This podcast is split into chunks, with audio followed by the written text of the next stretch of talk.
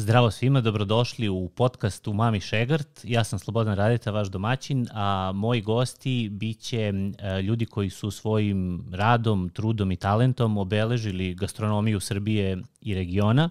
Nadam se da ćemo kroz ove razgovore uh, uspeti da vam približimo njihova razmišljanja na temu gastronomije i hedonizma i te neke večite potrage za, za boljim ukusima u kojoj smo svi mi koliko god bili informisani ili zainteresovani ili strastveni, uvek nekako na kraju uh, šegrti i negde na početku te potrage. Uh, uživajte u ovoj epizodi, a možete nas pratiti na uh, YouTube-u i na svim uh, audio platformama.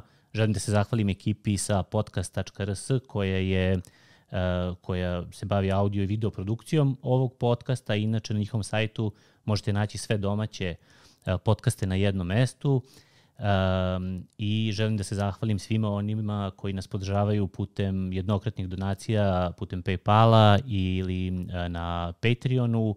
Uh, imaćete priliku da gledate pored redovnih epizoda i neke zanimljive bonus sadržaje, tako da nadam se da ćete uživati.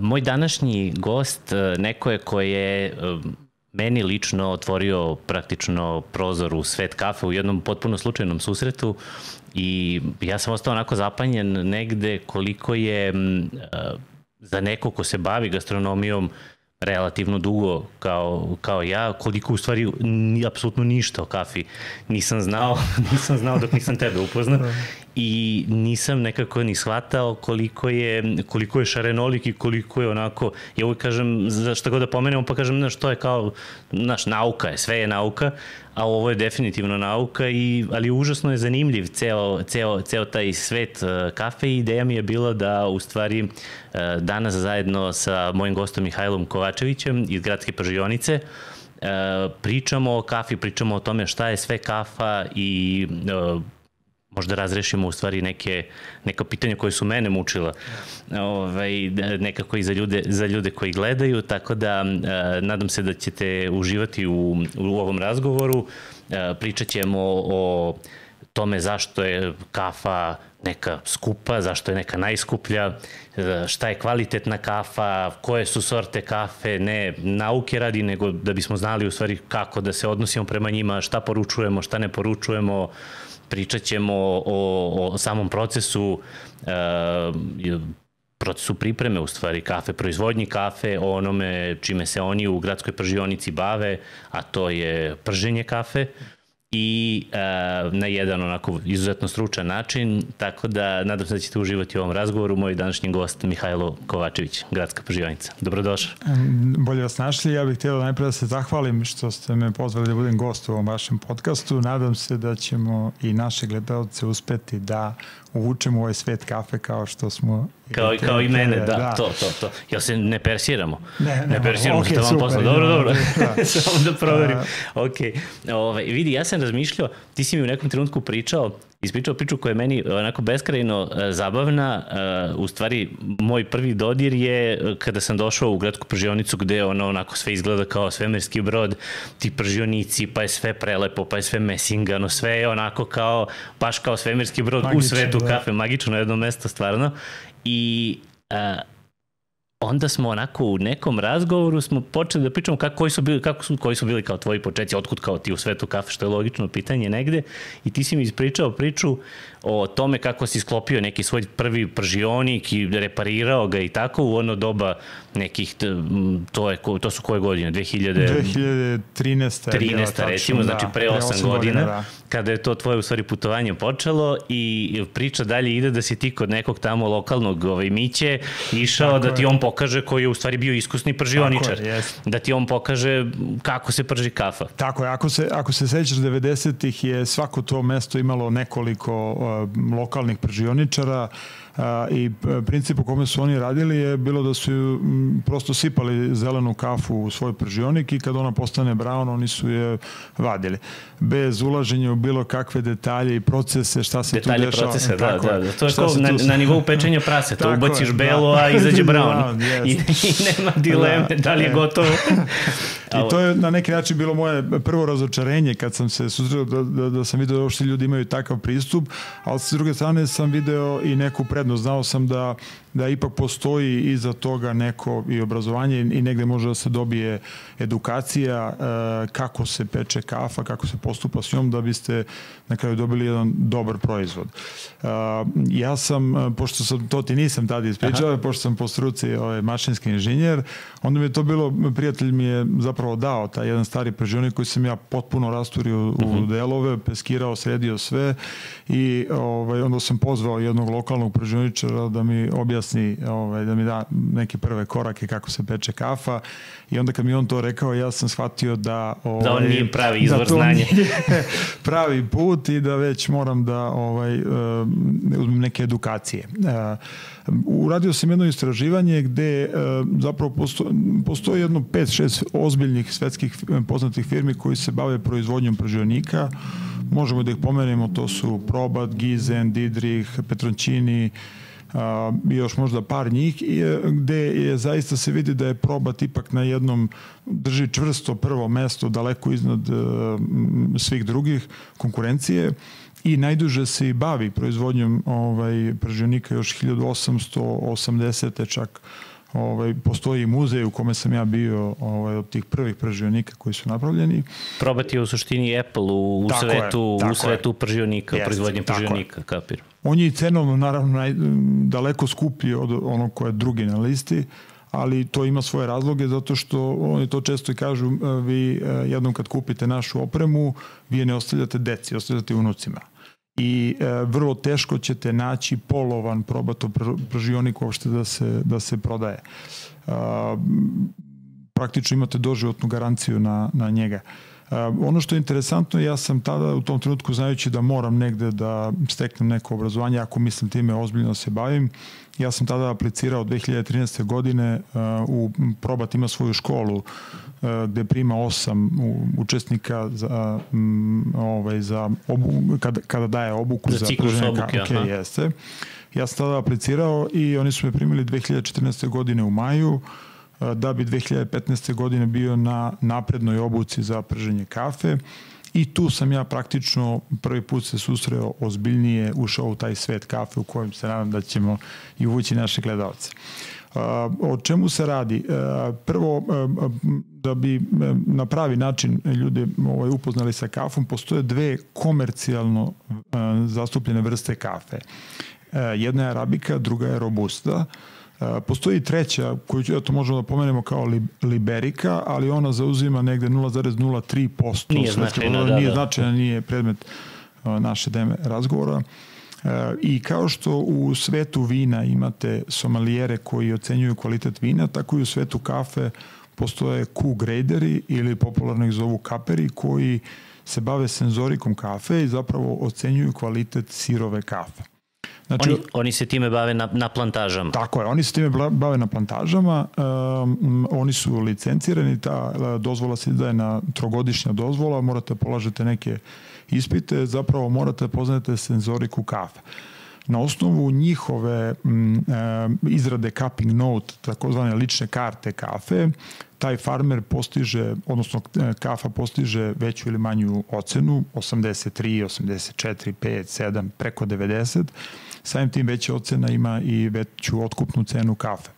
Vi možete kao farmer da kažete ja neću da se moja kafa ocenjuje, ali onda ćete postići najnižu moguću cenu na, na tržištu. Znači, e, kako oni ocenjuju kafu na osnovu šest bazičnih karakteristika. To su aroma, ukus, kiselost, slatkoća, telo i ono što se zove aftertaste. Možda bi najbolji prevod bio kada progutate kafu, koliko dugo i kakav vam osjećaj u ustima ostane nakon gutanja kafe. To vrlo liči u stvari na ono što, što sommelijeri recimo Tako rade sa, sa vinom i u svojoj branši. Tako je, dosta toga je kafa, da budem iskren, preuzela od vinara. Da ne mhm. kažem da, da su vinari preuzeli od, od industrije kafe, već zaista su, ali to ćemo se kasnije uh mhm. -huh. ovaj, osvrnuti na neke određene procese poput karbonske maceracije koja je nedavno doživela veliku popularnost u kafi, a preuzeta je iz vinske, vinske industrije. industrije. Uh -huh. Dakle, to su tih šest bazičnih karakteristika i ono što je interesantno na samom početku, vrednost arabike, ako posmatrate arabiku i robustu sa istog podneblja, ona je gotovo po pravilu duplo skuplja od robuste. Iz prostog razloga što arabika vam daje ovih pet karakteristika, ne svih šest, nego pet karakteristika, to su aroma, ukus, kiselo, slatkoća. E, dok Arabici obično nedostaje telo, odnosno telo je zapravo punoća, koliko je kafa teška na jeziku kada, znate nekad kad popijete kafu kažete ovo je redko lepa Tanka. kafa, tanka, da, da, da. To znači da je nedostaje telo, E, robusta ima to telo, e, razlog zato što je prosto tvrđe zrno, raste na nižim nadmorskim visinama od, od arabike, e, i, ali ona vrlo često robusta ima onaj drvenast zemljani ukus. U stvari, izvim što te prekidam, u stvari tu cel, cela priča je negde organizovana oko odnosa ta, te, te dve sorte kafe. Ne pričamo sad da. o, o, arabi, o arabici i o robusti na, ono, radi nauke, nego je u stvari cela, sva suština mm. je, je u tome. Arabika je negde nešto što da je ple, plemenito, to, u stvari je. i nosi određene ovaj, pozitivne, ima neke svoje pozitivne karakteristike, ali ima neke stvari koje fale, no, a robusta je nešto na što se u svetu kafe, to si me ti naučio, Jest. gleda onako prilično sa prezirom je. Ovaj, i kao nešto što je nekvalitetnije, no jeftinije, lakše dobavljivo i tako dalje, ali ona ima svoje neke kvalitete, pozitivne kvalitete, pored svih ovih nekih. I tu je u stvari sad cela nauka je u stvari u, u, u toj priči nekako u odnosu i zašto u stvari ajde e, e, e, da ispričamo taj da, deo. Ko, ovaj, mhm. postoje konkretni razlozi e, šta objasniću vam šta su prednosti i mane. Znači ovo što ste vi pomenuli to je tačno, to su prednosti arabike. E, međutim ona ima svoje imane jedna od mana, ok, nema, nema tako jako telo kao kao ovaj, što ima robusta, međutim druga mana je da ona ima upotrebnu vrednost nakon procesa pečenja 20 do 25 dana. Rok trajanja. Rok trajanja, drugim rečima, dok robusta ima upotrebnu vrednost, odnosno rok trajanja 3, 4, nekad i 5 meseci. I sad, ukoliko, da se vratimo unazad, e, e, ukoliko znamo da su italijani u velikoj meri njihovi blendovi se izvoze širom sveta, ako vi imate nameru da recimo izvezete kafu negde, dok taj neko proda poslednji kilogram iz tog kamiona koji je uvezao u nekoj zemlji, proći će nekad više od 3, 4, 5 meseci, možda i godinu dana.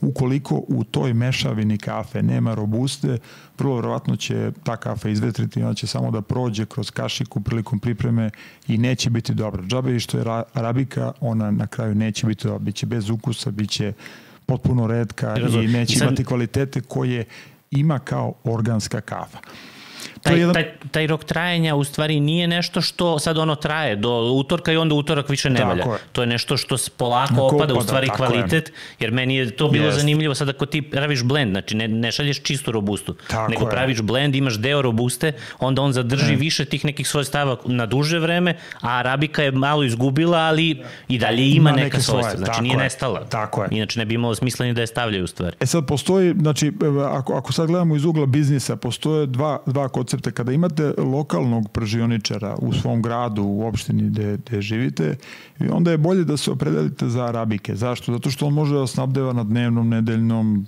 pa im, ajde kažem i mesečnom nivou i na taj način možete imati jedan e, kontrolisani e, proces gde vi dobijate arabiku svakodnevno, svaki put kad naručite. Ukoliko vi nemate lokalnog proživničara i sad se prinuđeni da nabavljate kafu iz inostranstva ili od nekog uvoznika da kupujete, vi onda nemate izbora osim da u toj mešavini kafe imate robustu koja će dati telo toj kafi, ali kafa će biti samo gorka. I to je sad interesantno jer moj prvi susret sa kafom pre nekih 20-25 godina je bilo da je kafa bila samo gorka. Verovatno će se setiti ako pro, i probate sve te razne blendove koje su probali, one su u osnovi samo gorke. E sad šta je druga stvar robuste, ono što je interesantno za naše gledalce, e, robusta ima negativna njena strana je to što ima 3 do 4 puta više kofeina, za razliku od arabike. Recimo, arabika ima od 1,1 do 1,5 mg kofeina, dok robusta ima od 2,5 do 4,7 Znači vi ako popijete danas tri kafe koje imaju robusta, vama se trese ruka ili, ili vam lupa brzo srce, dok recimo arabike možete popijete pet i da nemate nikakav problem. To je, često, to je vrlo, vrlo je bitan podatak razlika. u stvari za on ljudi koji konzumiraju kafu. Pričamo o espresu u stvari. Yes, Sad, mada, tako je. Generalno Tako isto važi, isto važi i za, filter i za kafe i za drugi kafe. je samo priprema, ali je kafa, napitak je od kafe. Uh mhm. -huh. Ono što je recimo interesantno, ljudi su često govorili nemojte uveče da pijete kafu da biste mogli da spavate. Pa da ste pili arabiku, vi biste spavali kao beba. Ne bi bilo pili, problem. Šta, gde je tu nastao problem? Kao i sa svim drugim. Nama je u velikoj meri industrija formirala ukus pretpostavljam i u hrani, tako i u, i u piću. Znači, mi smo u proteklih 20-25 godina na našem tržištu imali samo određene komercijalne italijanske blendove, koji objasnili smo razloge zašto su dodavali robustu. To je bio jedan od razloga. Drugi razlog je bio jer je robusta jeftinija pa je njemu cenovno odgovaralo da on doda u svoj blend robustu i da izveze kafu i da ona bude prilično jeftina i pristupačna za, za, da, da, to je win-win u stvari za, za uvoznike, distributere u stvari. Je, može dugo da stoji, je, em je jeftinije. Jesu, to je win-win kombinacija. I sad, e, šta se dešava? I sad se tu pojavljuje Mihajlo. Da, jeste. da reši e sad, problem. šta, je, šta se desilo, šta je još jedan jako bitan moment kod Robuste? Robusta ima tri puta više kofeina. Kofein je odgovoran za gorčinu i zato vam je ta kafa gorka, ali ono što je vizualno prednost u odnosu na arabiku, Robusta vam daje deblju kremu. Da objasnimo kremu. samo šta je krem. A, a, tako je, znači a, vi kad, kada pravite espresso, otprilike, ne otprilike, zapravo standard bi bio i na takmičenjima svetskom prvenstvu, se kaže, lako ćete zapamtiti 25, 25, 25. To znači da za 25 sekundi treba da dobijete 25 ml tečnosti sa debljinom kreme 2,5 mm. Sve što se krećete u a, opsegu od 20 do 30 je, a, bilo da je to vreme, bilo da je to količina tečnosti ili debljina kreme, vi ćete uživati u tom espresu i vi i vaši klijenti. U, Pri, pričamo o espresu. Pričamo o, o espresu konkretno, espresu, da. tako je. Ukoliko, ukoliko vam se taj, ukoliko pripremite espresu za 40 sekundi, znači da vam je predugo trebalo da voda prođe kroz kafu, drugim rečima kafa vam je presitna i vi onda naštelujete mlin, pomerite ga malo krupnije da biste se kretali u granicama od 20 do 30. E sad, e, robusta, e, mi to u, u ovaj, žargonu i često i kažemo, kada ljudi nemaju u svom lokalu baristu, uvek je bolje da u svom blendu ima robustu. Zašto? Robusta prašta greške. Ajde samo da objasnimo šta je barista, za, da pojmo da, za, ne, za neko da, ko se... Da, ne zna. Barista je, barista je neko ko zna da koristi opremu za pripremanje kafe i koji zna da ispoštuje sve standarde u uh, procesu pripremanja kafe. Znači stručnjak da. za pripremu Tako koji je.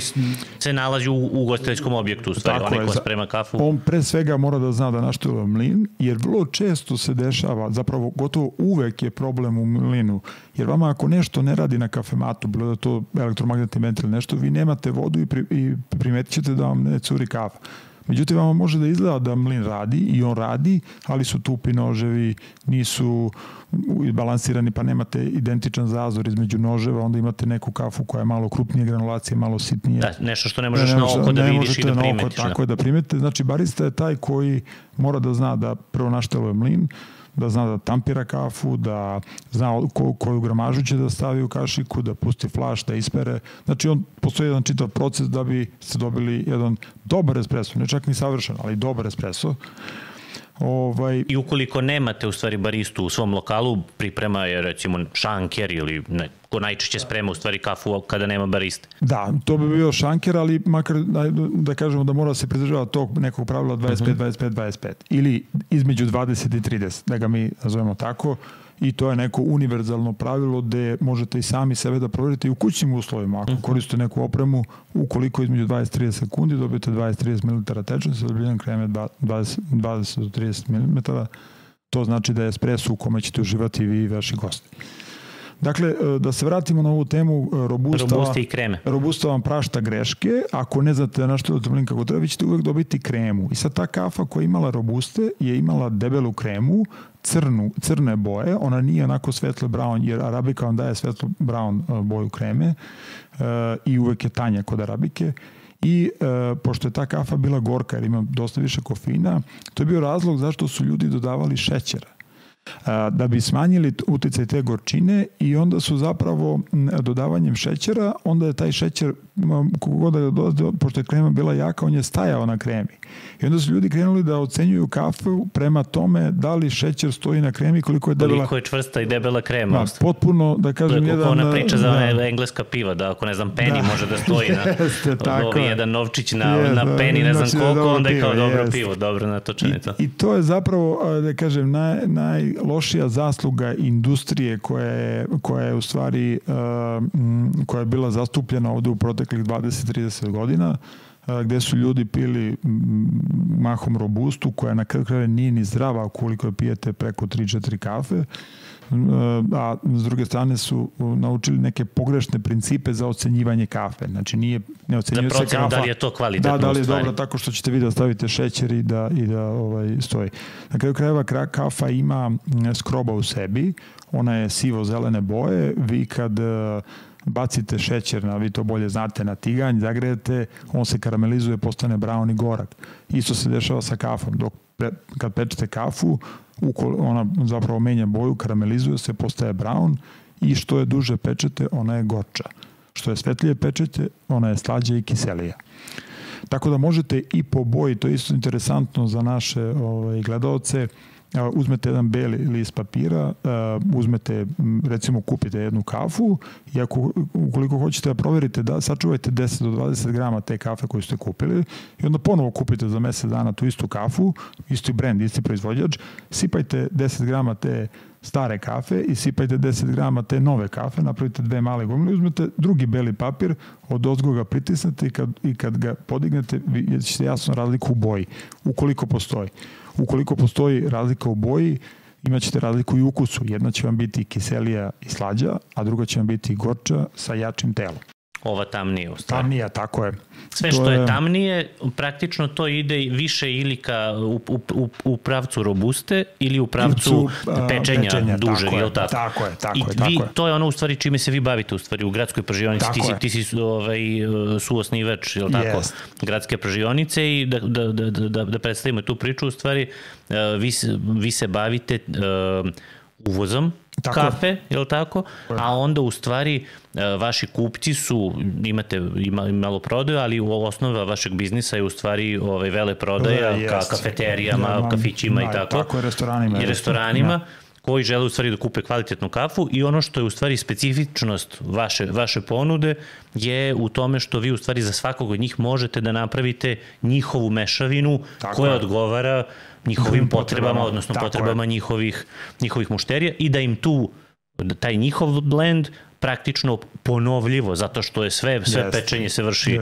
yes. u onom science fiction centru tamo u NASA, yes. kod, kod tebe u NASI, yes. ovaj, vrši se automatski, softverski se kontrolišu tako temperature i tako dalje i ti svaki put to ti omogućava da mu ti daš identičnu kafu kakvu je želeo njegov miks svaki put. Šta tako? je ideja bila? Ideja je bila da, da mi, mi imamo 56 uh, vrsta kafe. Ja sam zato uh, gledalce naše htio da upoznam najpre, imamo 50 arabika i 6 robusta od svih tih kafa mi možemo da napravimo mešavinu prema zahtevu kupca, jer ja ne mogu da vam kažem šta je to što se vama sviđa. I ne znači da ono što se sviđa meni da će se svidjeti vama. A da li ali, kupac zna kada ali, dođe? E, to je sad e, naš, da kažem, posao, pošto neko prvo pitanje kada dođe e, klijent je naše kakvu vi kafu pijete ili volite. Ako on kaže volim neku italijanski komercijalni blend, onda onda znaš da ne zna. Onda da, znam da ne zna, da. I onda e, prva prva stvar je da bi pokušao da ga uh, skinem uh, sa te da kažem komercijalnih blendova, mi mu ponudimo recimo kombinaciju Brazila i Indije, ali da se vratim na jednu priču da bi gledalcima Vratit ćemo se na ovo jer meni strašno zanimljiva ta strategija da, u stvari da, tako, razvoja i kako vi utičete na ukus, o tome želim da, da pričamo. Da.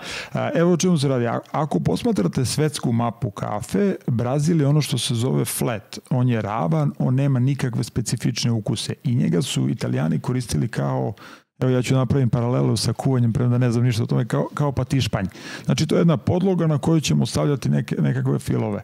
Na taj Brazil su oni često dodavali neku vrstu robuste. Postoji razlik vrsta robuste od, od ajde kažem, najlošije do najbolje i tu ima razlike u robustama. Dodavali su robustu već, iz već pomenutih razloga, cene, dugovečnosti i tako dalje i kao takvu su... Jel je, brazilska tako je osnova, to je, pričamo o arabici. To je arabika, to je tako je. Oni su koristili brazilski Santos kao podlogu i na taj brazilski Santos su i nekad dodavali vrlo malo centralnoameričke kafa, ali uglavnom robuste. U procentima 20, 30, 50, 70% i tako je izvozili.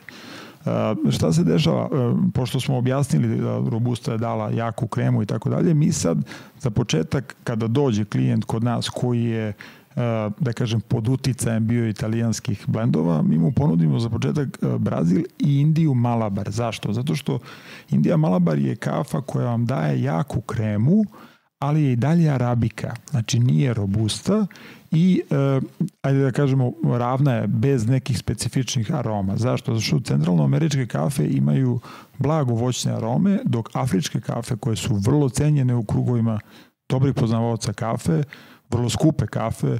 Zadnjih pet uh, takmičenja na svetskom prvenstvu su pobeđivali ljudi sa etiopskim kafama. Uh, te kafe imaju vrlo izražene voćne arome. To se stručno naziva imaju pleasant acidity, ali ako date nekome ko je do juče pio italijanski blend, date mu kafu, on će sad da se naježi ovako ceo i misliće da nešto nije u redu sa Tako kafom. Tako i to je u stvari, to je sad negde da. bitno za, za nekog ko, ko kupuje kafu, jer mi sad imamo dosta, da. ovaj, u, u Srbiji imamo puno malih kafeterija, malih nekih kao yes. specialty coffee shopova, gde vi možete, sad imate ceo izbor, prvo kad otvoriš onaj meni ti vidiš tamo, pa ti ništa nije ja, sad ovo je Etiopija, sad ovde, ne znam, Nikaragva i tako dalje, imaš gomilu, ti ne znaš ništa o tome no, da. suštinski. Da. Ok, to je sad negde posao, možda osoblja, da, da, da, da. ali ne može sad on svakom da objašnjava da, istoriju kafe i geografiju kafe, tako da ti dođeš u jednu situaciju da u stvari nemaš pojma šta treba da poručiš, onda poručiš nešto što je možda aj kao ću da probam, možda poručiš i najskuplje, pa kao da vidim šta je sad to što je najbolje i onda dobiješ u stvari neku čistu ovaj, arabiku koja je kvalitetna, možda je afrička i tako dalje, ali tebi je to u stvari šok i tebi je to bez veze, zato što si navikao, u stvari koja je. navika je negde okrenuta ka robusti, ka tako gorkom, je, ka šećeru, a ovo je nešto što je, ima tu prijatnu kiselost i tako dalje. I sad u stvari eh, vi, vi negde pokušavate da, da, da, da premostite taj jaz Tako. od onoga što nam je svima negde verovatno navika, većini, yes. velikoj, do toga da malo, da malo se taj ukus e, što kaže moja što kaže moja da. drugarica Sonja Stojić, ovaj ukus se uči. Jeste, ovaj, to je tačno. Ja ja imam običaj da kažem da bi neko napustio gazirane sokove i prešao na ceđene, to je civilizacijska tekovina. To ne ide preko noći. Jer vi ste kao dete, ajde kažem, ili prvih 20 godina pili razno razne gazirane sokove, da ih ne imenujem, i sad odjednom neko dođe i kaže, e, pa imate ovaj ceđeni sok ili veganski sok. Vi kažete, ceđeni pa, džumbir, je. Jeste, vi kažete, pa znam, super je to, ali ja sam 20 godina pio razno razne gazirane sokove i sad na, prosto ste se navikli na taj ukus. Iako svi znamo da su oni loši, da nisu dobri, i to smo već svi naučili, ali i dalje to mnogi koriste prosto zato što im je ostala ta, da kažem, loša navika. Isto i sa kafom.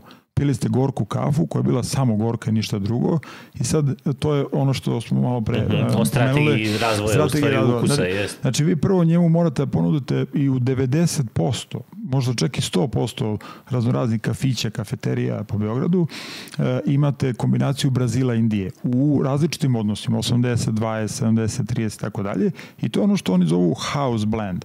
Zašto? Zato što će to većini populacije da se svidi. I to je u redu. Nema, nema ni tako rezona je. da oni promene nešto promene, i da ljudi koji dolaze kod njih na kafu, ne, koji je. jesu verni gosti, o tome smo pričali u stvari, oni koji dolaze zbog kafe Kafe, u kafeteriju, je. oni donose posao u pa, stvari. Tako je. To ćemo se ovaj, mm -hmm. dotaći ćemo se i te teme i sad obično e, kafe, e, ti coffee shopovi koji su specializovani za kafu, oni imaju dva ili tri mlina i onda on u drugom mlinu nudi praktično kao single origin kafu, tako što recimo kaže ove nedelje služim Kolumbiju, Nikaragvu, Guatemalu, Znači nije, nije miks, tako, nego nije je mix, nego sa jedne single. geografske lokacije. Tako je. I onda vi, e, ako to budete isprobali, vidjet ćete da te centralnoameričke kafe imaju blagovoćne arome, dok afričke kafe koje su skupe, kvalitetne i tako dalje, imaju vrlo izražene citruse, ali za to već morate da naučite. I to već, šta se dešava? Vi ćete možda pet puta na silu popiti tu kafu, ali šesti put nećete moći više da pijete industrijske kafe. Jer vi kad budete videli koliko je to zapravo lepo i koliko vam prija... Kao sa rakijom, prva ide da, teško, a posle krene. da, da, da, da, tako.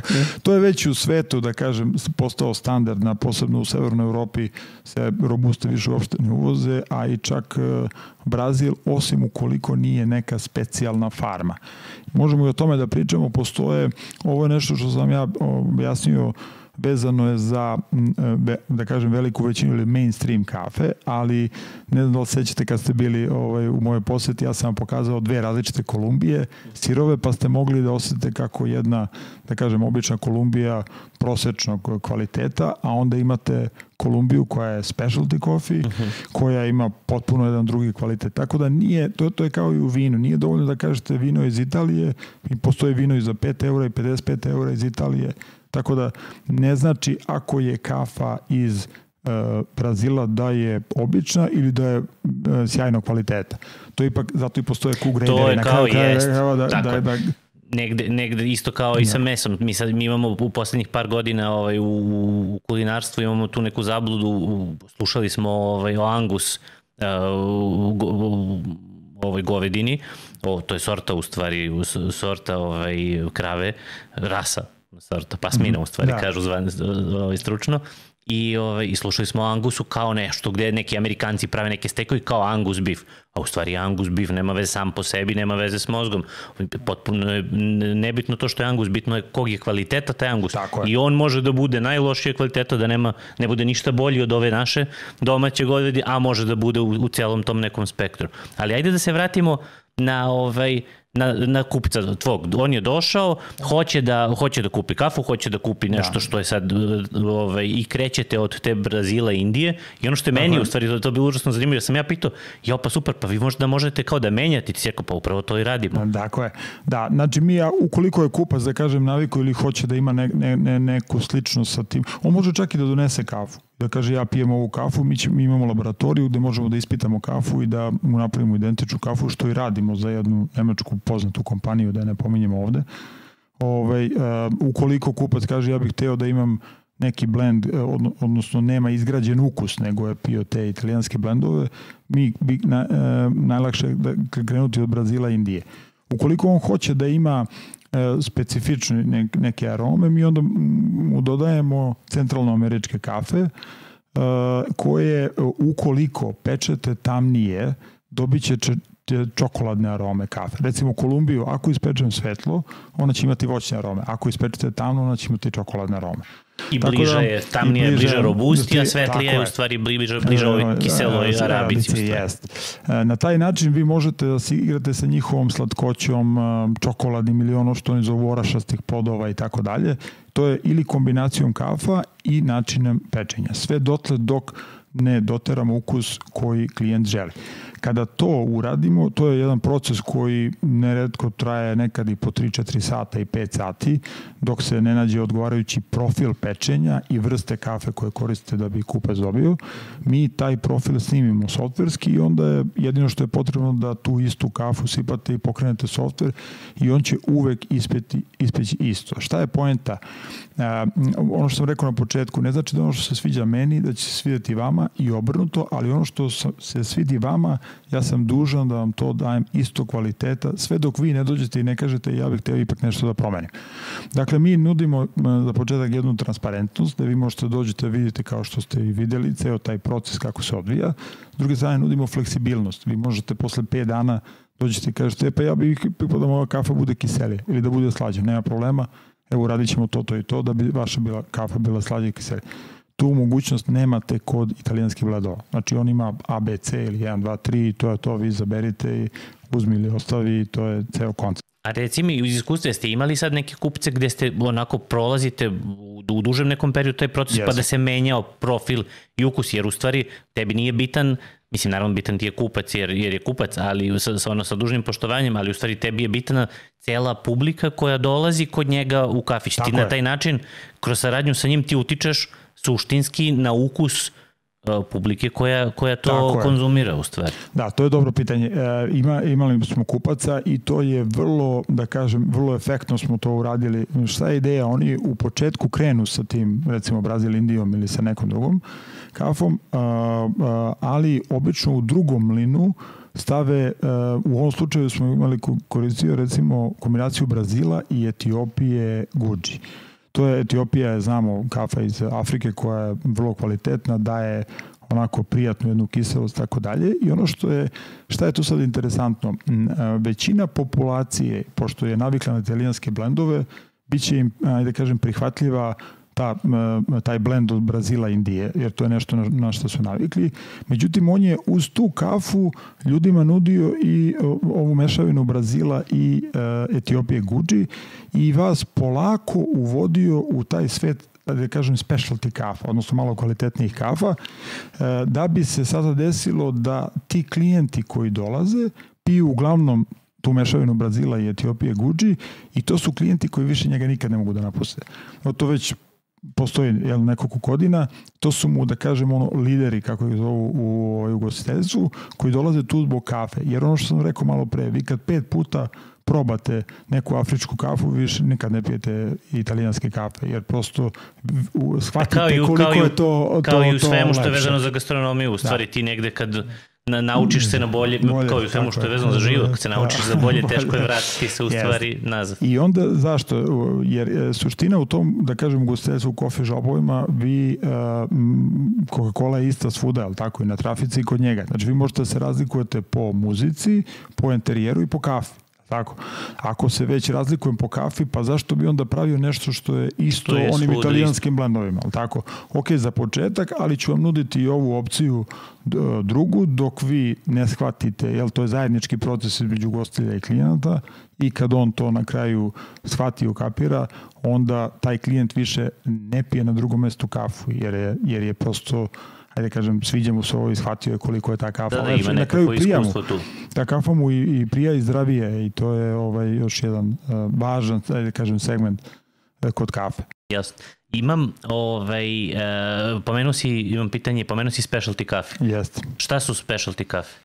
Po osnovnoj klasifikaciji, ukoliko uh, postoji do pet defektnih zrna, defekti mogu biti primarni i sekundarni. To mogu da budu, recimo, zrna koja su slomljena, mogu da budu zrna koja su pojedena od strane nekih insekata, mogu da budu kamenčići i grančice koje su se našli u, u vreći ovaj, sa kafom.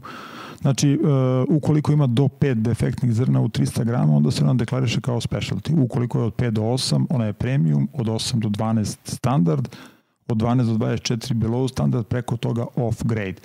Tu ću se sad nadovezati na ovu domaću kafu, to je isto jedna jako interesantna priča. Mislim e, ali, da će biti... Da, da, da, ali mislim samo o tome da pričamo odvojeno, zato što mi je okay. to, to je, ovaj, to je onako poseb, dobro. posebna priča. Htio sam da, da samo vezano za specialty kafu da razjasnimo, jer meni je to bilo potpuno nesno.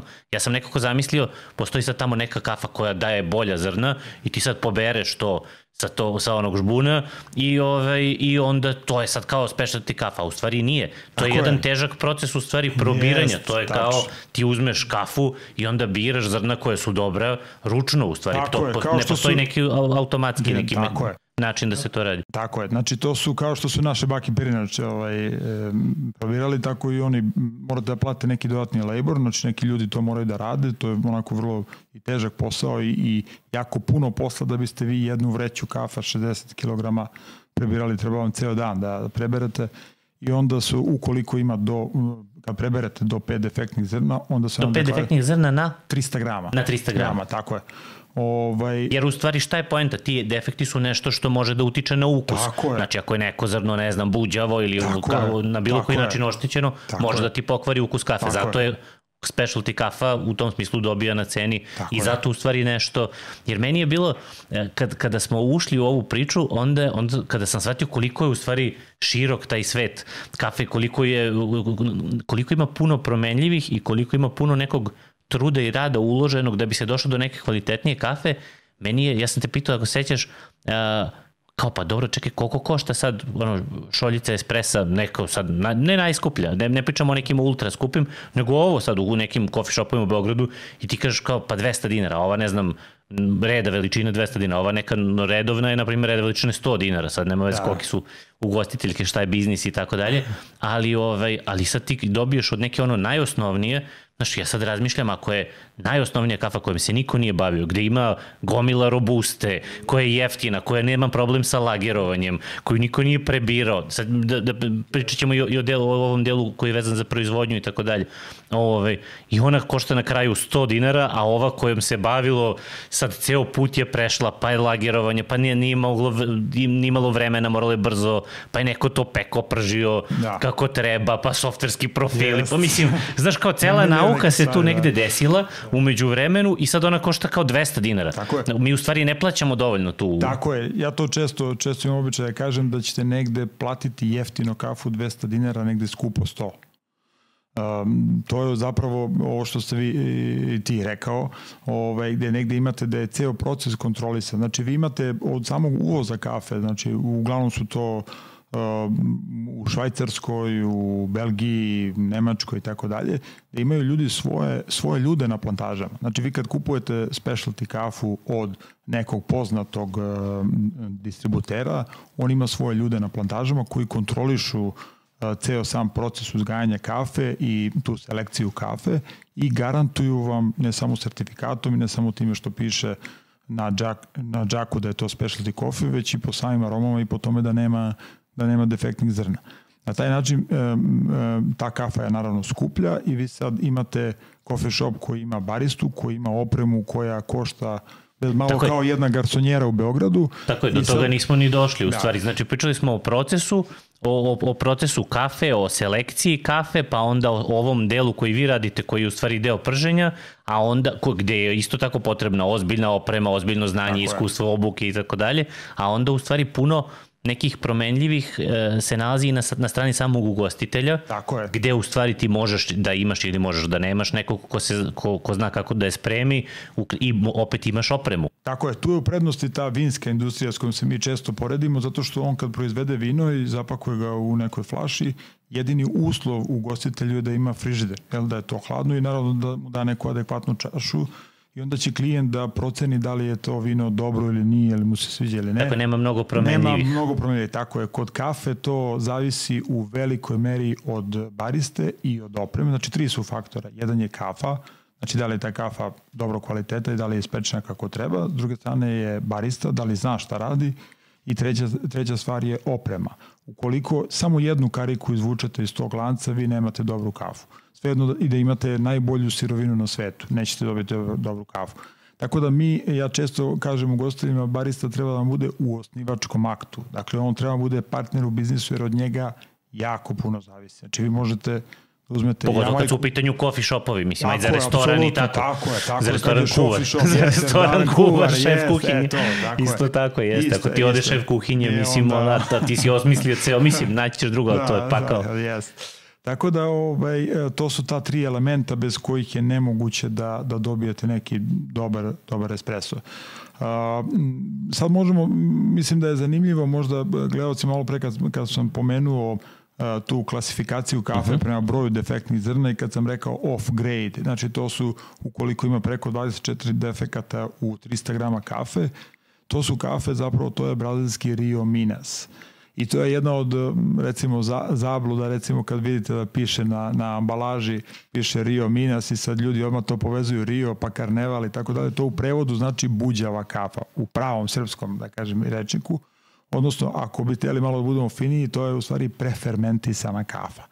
A, to je zapravo kafa koja kafa raste jel, kao na žbun, ona je oni zovu coffee cherry, u stvari je voće. Ona, ona koja padne, sa žbuna na zemlju, ona pokupi vlagu sa zemlje, bude prefermentisana, bude, ajde kažem, buđava, ono što jeste, ta kafa se skuplja i prodaje se po najjeftinijoj mogućoj ceni. A, ono što je, da kažem, sreća je, ako uopšte ima tu sreće, je to što se ta domaća kafa priprema metodom tako da vi zagrejete vodu da pro, proključa i onda dodate, sipate kaščicu ili dve kafe i skuvali ste tu domaću tradicionalnu kafu.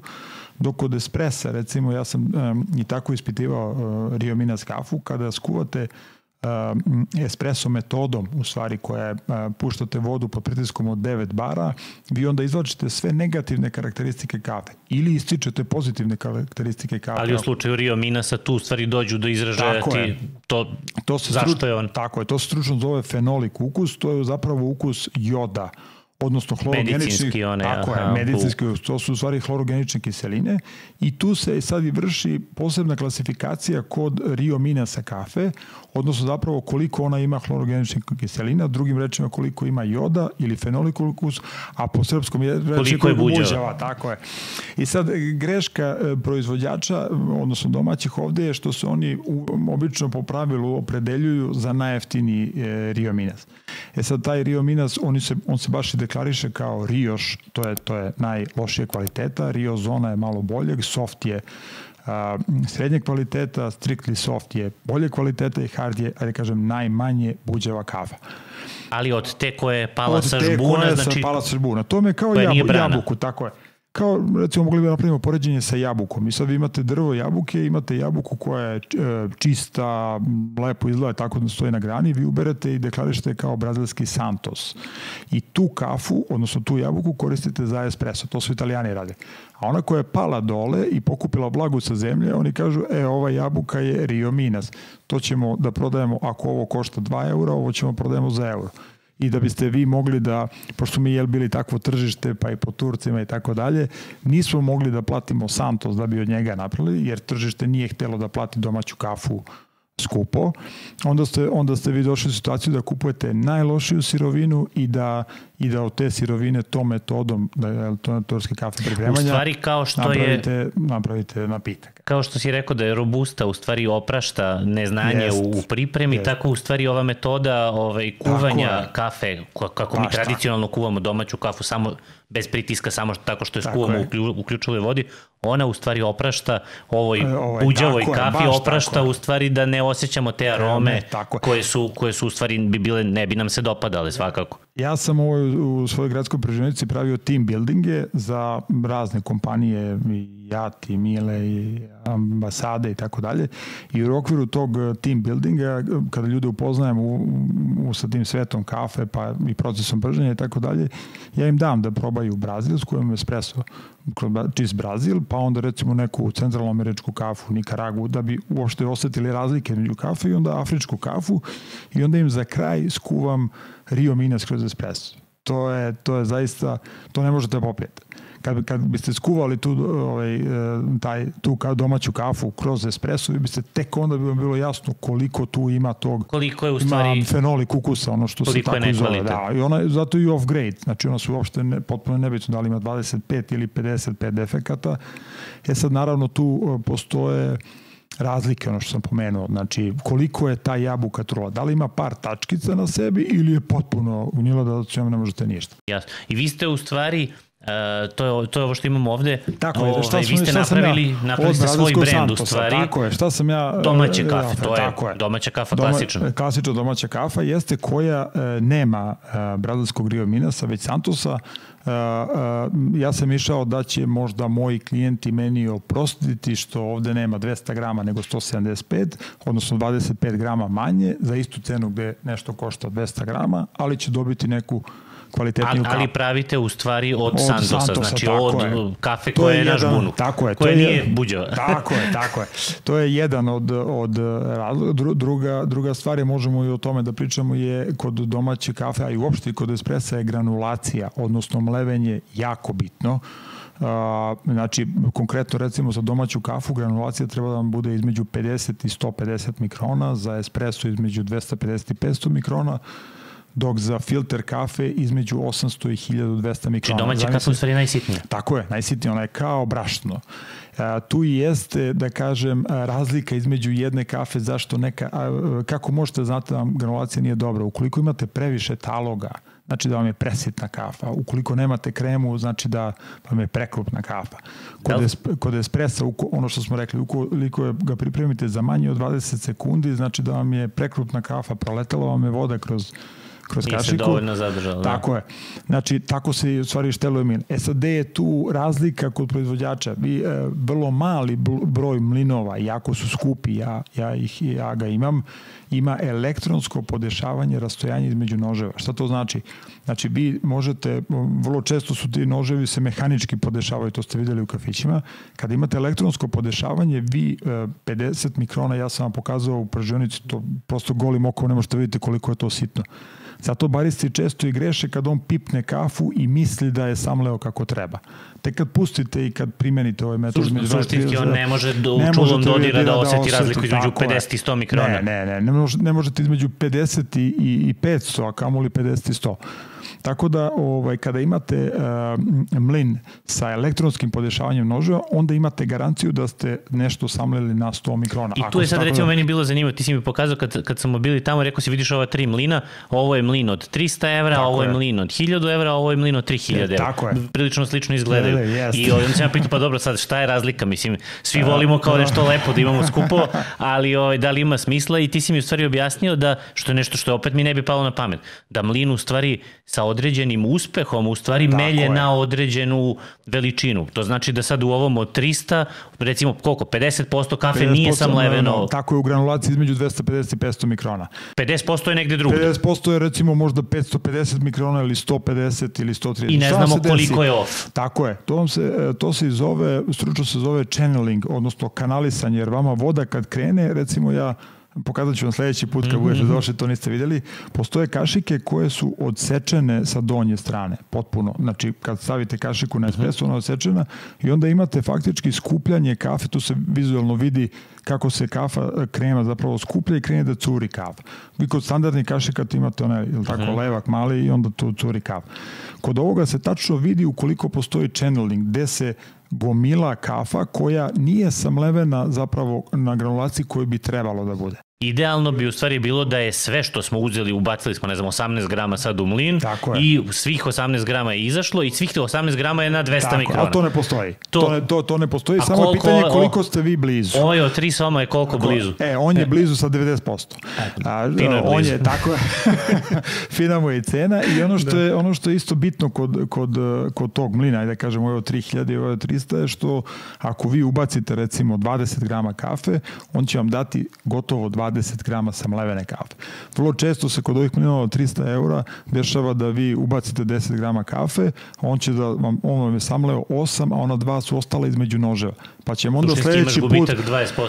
E, gubitak je jedna stvar, a druga stvar je što ćete vi sledeći put, kad budete ta kafa vam vetri, on će da progura tih 2 grama i nekih Koji novih 8 i da, i da, ili da zadrži. Jednostavno, u stvari, kafa, nemaš, ne, ne, nema, nemaš, nemaš standard. Pa isto, isto sam, sam te pitao i za onaj prelepi ovaj, u kojeg sam se stvarno zaljubio, ovaj, onaj kafemat, pa sad sa onim, da, da. mislim, meni je to fancy na, na beskreno površnom nivou, samo ovaj, estetike radi, ali u smislu onih kožnih bisaga i svega, ali si ti rekao, je, vidiš ovaj aparat koji je kvalitetan i tako, i prva kafa i deseta koja izađe na njega je u, na, ne znam, Istota, da. istota, na ne znam koliko stepeni sad. U čemu je razlika, ovde smo sad govorili o mlinovima, pa smo malo približili zašto neki mlin košta 300, neki 3000 i još samo da dodam, da, dok pričamo o mlinovima, da je vrlo važno da mlin ima integrisan hladnjak. Zašto? Zato što vi kad meljete kafu, posebno tako sitno, vi je praktično zagrevate.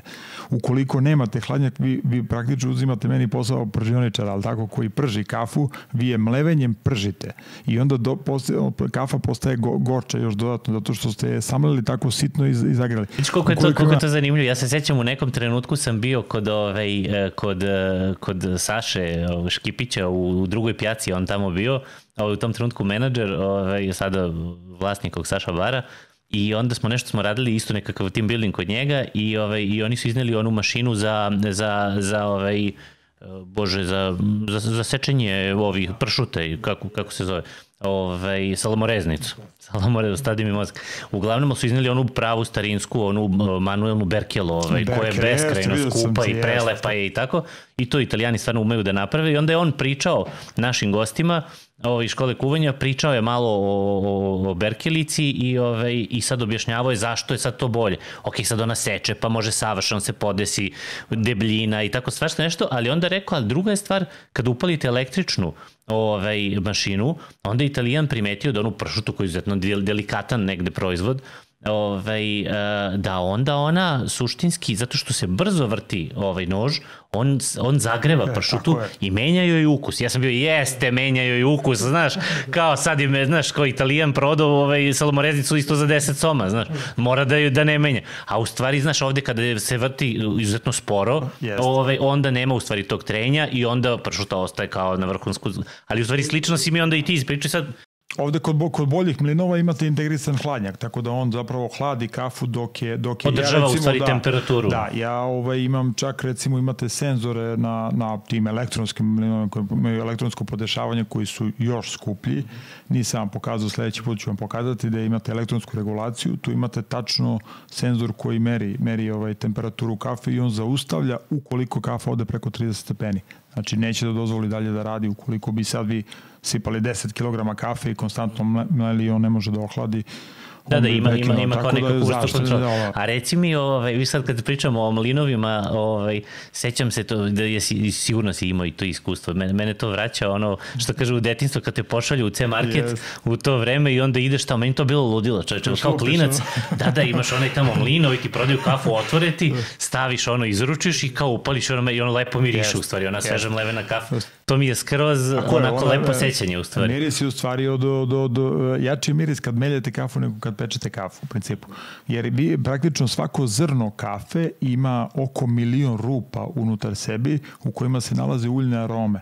Onog trenutka kad vi meljete, vi praktično kidate ta, te, te a, m, rupe, da kažem, unutra u kojima se nalaze uljne arome. Tako možete vidjeti, recimo, kad je kafa prepečena, te uljne arome su izašle s polja, što nije dobro. I one brzo izvetre i onda kafa nema ni, ništa osim gorčine ovaj, e, e, te uljne arome u kojima se nalazi, vi kad sameljate kafu, onda, onda dobijate jači miris. Jer kad je ispečete, ok, miriše kafa, ali ne u toj meri kao kad sameljate kafu. Uh, ja bi se sad, pošto pričamo o opremi, nadovezao na ovaj kafemat. Šta je važno kod izbora kafemata? Ukoliko ste recimo neki coffee shop ili da vam je kafa core business, da kažem, osnovna, osnovni proizvod, uh, važno je da taj kafemat bude multi-boiler. Uh, Zašto? Zato što vi se, e, svaka glava e, na kojoj se priprema kafa treba da ima svoj zaseban bojler i treba da imate jedan centralni bojler da bi e, ste mogli da održite takozvanu termostabilnost koja je ključna kod, u procesu, samom procesu pripremanja espressa. To je ovo što smo pričali, da prva i deseta i stota da bude, kafa u stvari da budu ista, pripremljene na identičan je. način i tu negde nam u stvari skuplja oprema Tako je po, pomaže da, da, da nemate u stvari situaciju da ona prva kafa bude dobra, druga srednja, peta ne može da se pije. Tako je, jer vi kad namestite recimo temperaturu 91 stepen, 92, 89, zavisnosti od kafe, zavisnosti od načina njenog pečenja, vi želite da svaku kafu napravite na toj temperaturi.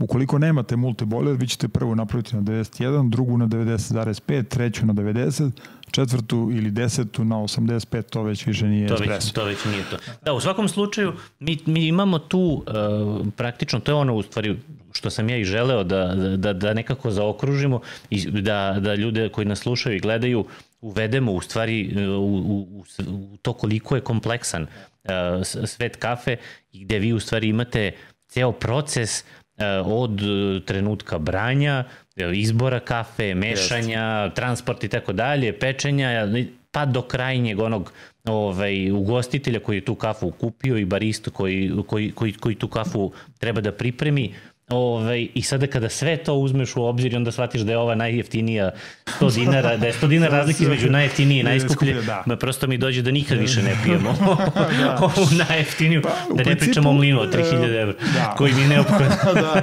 U principu je nekako e, preporuka da ljudi makar znaju tog baristu ili da znaju ko je vlasnik i da mogu da procene da kad vide opremu, da znaju ako vi radite sa nekom dobrom opremom i znate kakav čovjek ima pristup a, samom poslu, vrlo verovatno ćete i od neke, Možda da kažem, malo lošije, tako je, malo lošije, neke ne, morate, ne mora da koristi najskuplje sirovine, ali dobit ćete dobar napitak.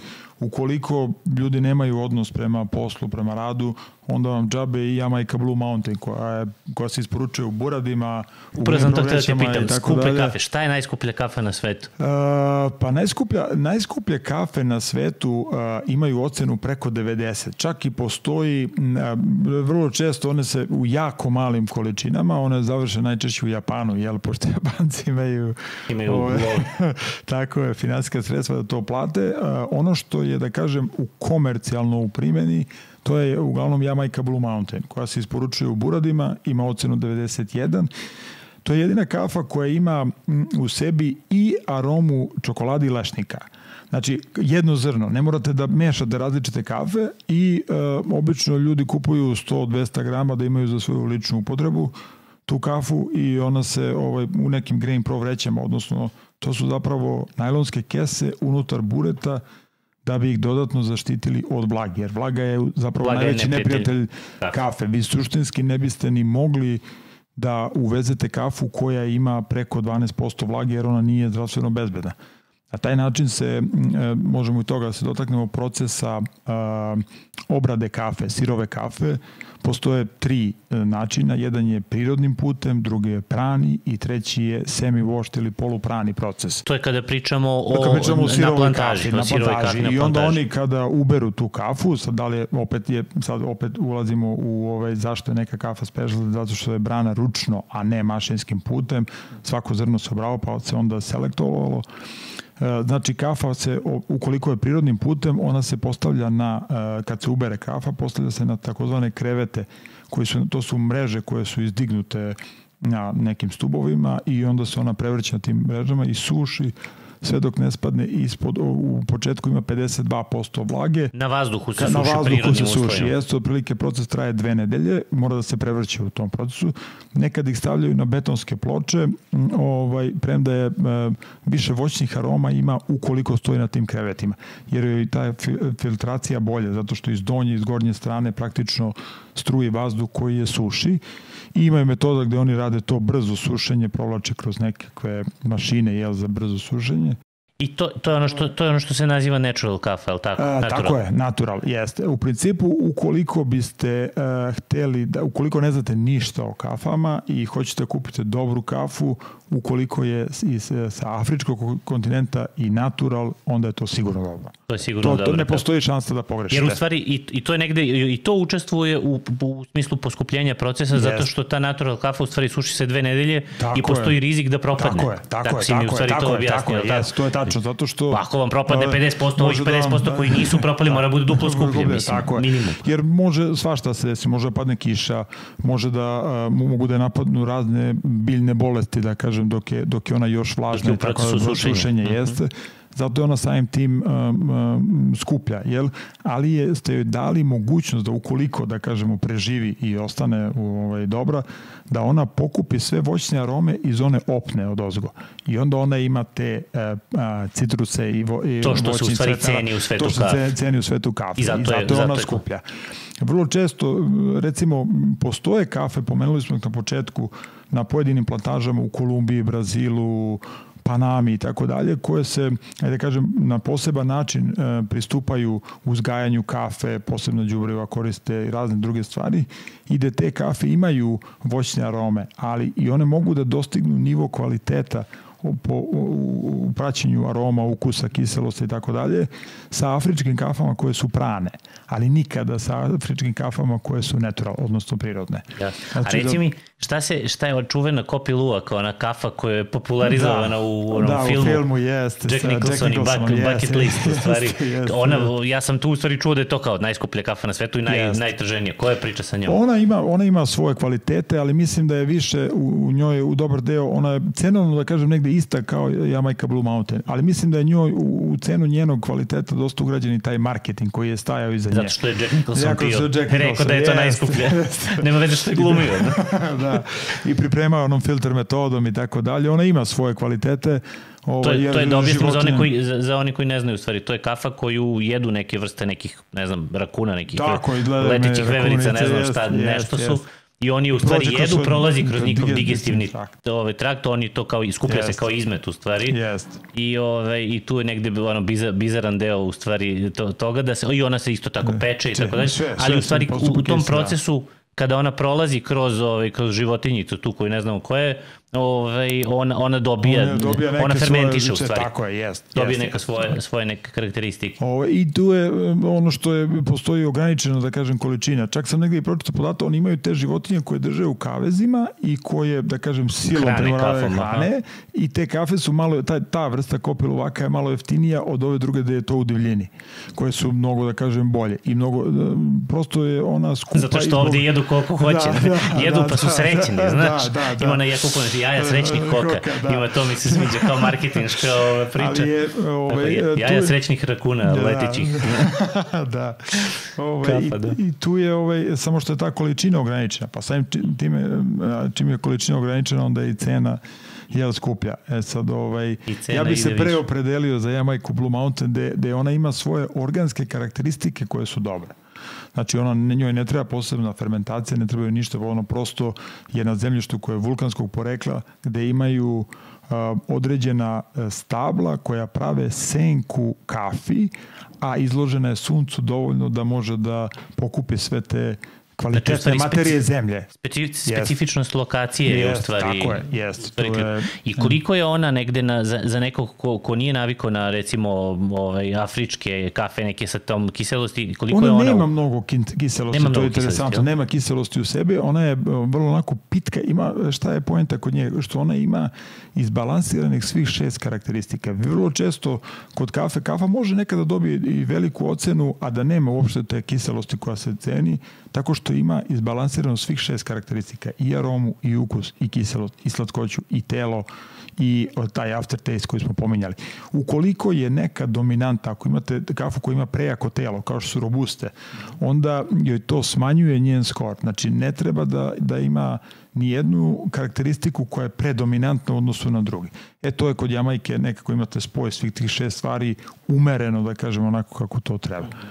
Pa evo ja vas pozivam sledeći put, pošto ja imam tu Jamajku u Vlanute, ja ću vam pripremiti kako budete došli. E, vrlo rado, vrlo, vrlo, vrlo rado ću to da probam. Ovaj, uh, ajde samo još na kraju da kažemo, ovaj, uh, vi, vi negde u stvari u gradskoj pržionici pored sad ovog novog, ovaj, no, novog brenda pržioničar koji je negde okrenut ka, ka malo prodaju u stvari. Jest, jest. Ovaj, um, gde mogu, ja, ja koliko sam shvatio, imate mogućnost, uh, odnosno ono, fizička lica mogu da kupe mogu, kafu da. kod vas, imate o, sajt. Imamo i sajt, tako je, mogu i online da naruče kafu, mogu čak i online da naprave svoj blend. Znači mogu da eksperimentišu, mi um, poručujemo 200 grama i, i, i više kafe. Ćemo da kažemo sajt. Da, hoćemo www.gradskapražionica.rs Lako se pamati. Jeste, ovaj, kad kliknete na shop, onda imate da, da prodavnice imate da izaberete da li hoćete sirovu kafu, pečenu kafu, da li hoćete uzora kafe od 200 grama ili hoćete da napravite sam svoj blend, s tim što su tu mogućnosti ograničene na tri vrste kafe, da sad ne bi neko mhm. napisao 15 vrsta kafe, možete da izaberete sa jednu od 50 i nešto lista kafe, tri vrste kafe, da odaberete u kom procentu hoćete da vaš blend bude napravljen i mi ćemo to uraditi za vas i na taj način možete da eksperimentišete, da se upoznate sa raznim kafama. Ja bih samo ovaj, uh, još jednu stvar koju smo preskočili, uh, vezano za degasiranje kafe. Šta je uh mhm. važno? Kafa se nakon procesa pečenja mora da odleži. A, tu je Arabika, da kažem, u prednosti što je njoj potrebno 2 do 3 dana da odleži, da zapravo izađe ugljen dioksid iz nje, jer a, vrlo, verovatno ste nekad imali prilike da primete kada barista priprema kafu, ukoliko krenu baloni, odnosno mehuri, a to se često vidi na kremi, to je zapravo zarobljen ugljen dioksid unutar kafe. Jer šta se dešava kada ispečete kafu, vi e, unutar same kafe, rekli su ima do 12% vlage, obično to od 10 do 12%, vi imate tu slobodnu vodu koja je napustila kafu tokom procesa prečenja, imate i neslobodnu vodu koja je vezana za druge hemijske komponente, koja je usled tog zagrevanja stvorila pritisak. I tada imate ono oni to zovu first crack ili prvo pucanje kada zapravo kafa i oslobađa svoje organske arome. Tu je za, za, stvoren jedan ugljen dioksid unutar kafe. Imali ste priliku da vidite kada je kesa, kada je kafa zapakovana, ispečena, zapakovana u kesi, ona je naduvena. Zato što je recimo ne radi onaj ventil ili, ili mm -hmm. nema uopšte ventil. Zapravo to je ugljen dioksid koji se oslobađa u kafu. To je kafa koja u stvari nije, nije odležala. Nije odležala. E sad mi imamo i uređaj, to se zove degassing unit, gde vi možete a, praktično da ubrzate taj proces. Zašto? Zato što neki ugostitelji ne mogu da planiraju svoju naručivanje. Ja to, ajde kažem, razumem kad su u pitanju restorani gde vi imate 100 artikala, pa sad možda ne možete misliti na svaki, ali ako ste coffee shop i radite sa 1, 2, 3 artikla, onda možete dva dana napred da naručite Poručite tri dana ranije. Jeste da ona odleži kako treba i da ovaj, kod robusta je taj proces malo duži on je od 7, 10, boga mi nekad i, i 15 i 20 dana sam taj proces odležavanja, znači da ona napusti ugljen dioksid. A, a zašto je to važno? A, važno je, tih važno je, da, da, važno je zato što ona daje ljut ukus. Taj ugljen dioksid a. daje neki ljut ukus, često onako tup, drvenast, kao posjeća dosta na robustu. A ono što je interesantno, recimo, i to smo eksperimentalno utvrdili, da kada je svetlo pečena kafa, vi imate manje ugljen dioksida. Ali pošto te pore koje sam vam pominjao, kojih milion rupa koji ih ima unutra, su manje, one teže otpuštaju ugljen dioksid. Dok kod tamno pečene kafe imate manje ugljen dioksida, a imate više ugljen dioksida, ali ga brže otpuštaju jer su te pore veće. Tako da eto to je za neke buduće prođeničare čisto da znaju da vidi da mislim da, ovaj... da smo mislim da smo uspeli. Meni je bila ideja kada sam ti rekao ajde da pričamo da dođeš u podcast i tako, ovaj ja sam ti rekao imamo ovaj imamo dva dva neka zadatka. Jedan zadatak je da prikažemo ljudima koliko je u stvari kompleksan svet kafe. Mislim da smo tu sasvim sigurno uspeli a drugi je bio zadatak da, ovaj, da, da nekom koga ono, do najsitnijih detalja ne zanima u stvari kafa, da mu damo neke informacije koje su mu zanimljive. Nadam se da smo, da, da, da smo i tu uspeli.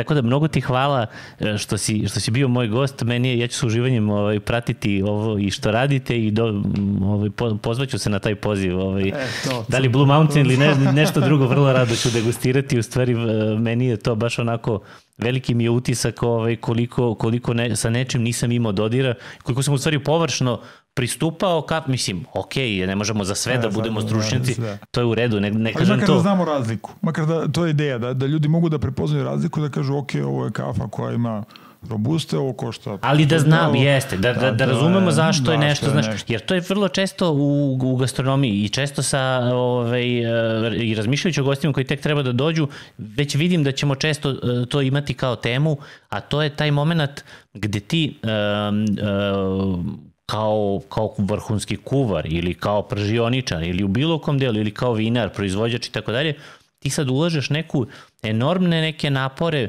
da dobiješ uh, proizvod na najvišem nivou i obučen si i obrazovan za to i tako dalje, a onda u stvari krajnji konzument ima mogućnost da se potpuno ne udubi i da, da suštinski u stvari vrlo uh, površno pristupi tome, čak vrlo često i da odbaci to kao, to je fancy, to je bez veze, naš, to mrse kao, naš, da, folira, da, da. kao foliranje. Da vrlo negativno gledaju na to zato što je, zato što je kompleksno i zato što negde ne razumeju ceo proces. I mislim da ćemo često u stvari imati to kada pričamo u gastronomiji u, u okviru ovih podcasta, a to je i ovde mogućnost. Ti često možeš kažeš, ma ajde sad, kao ova kafa 200 dinara, šta je briga. E, ja, ja, se, ja se nadam da, ja se nadam da, da, da, će, da, da onaj ko je oslušao u stvari do, do ovde, svaka mu čast svakako, ove, ali ko je, uspe, ko je odslušao do ovde da sad razume zašto je, ono što je meni palo na pamet da je možda to tih 200 u stvari i prejeftino za, za nešto šta sve stoji, ceo, ceo, ceo, ceo, ceo spektar aktivnosti koji stoji. Na kraju dana ja, ja, ja gledam i po sebi, ovaj, mi mislim da će ljudi prepoznaju oni ipak kvalitet. To je često kao što ja sebi kažem, ja ne mogu da kažem da je neki auto loš, možda ja nemam dovoljno da ga kupim, ali taj brend automobila je opšte poznat kao, kao dobar. Tako i ovde mislim da ljudi će prepoznati kvalitet kod kafe, posebno e, tačno je da ima, imamo više komponenti, oprema, barista, kafa, ali se to možete lako da prepoznate kada me neko dao dobar espresso i kad nije. E sad, da li je to skupo 200 dinara? Ja mislim da nije, jer ste negde platili 100, a to nije vredalo ni 100 dinara, ali je bitno da postoji izbor i da ljudi mogu da, kao i kod nas, od 56 vrsta kafe, naćete nešto što se vama sviđa.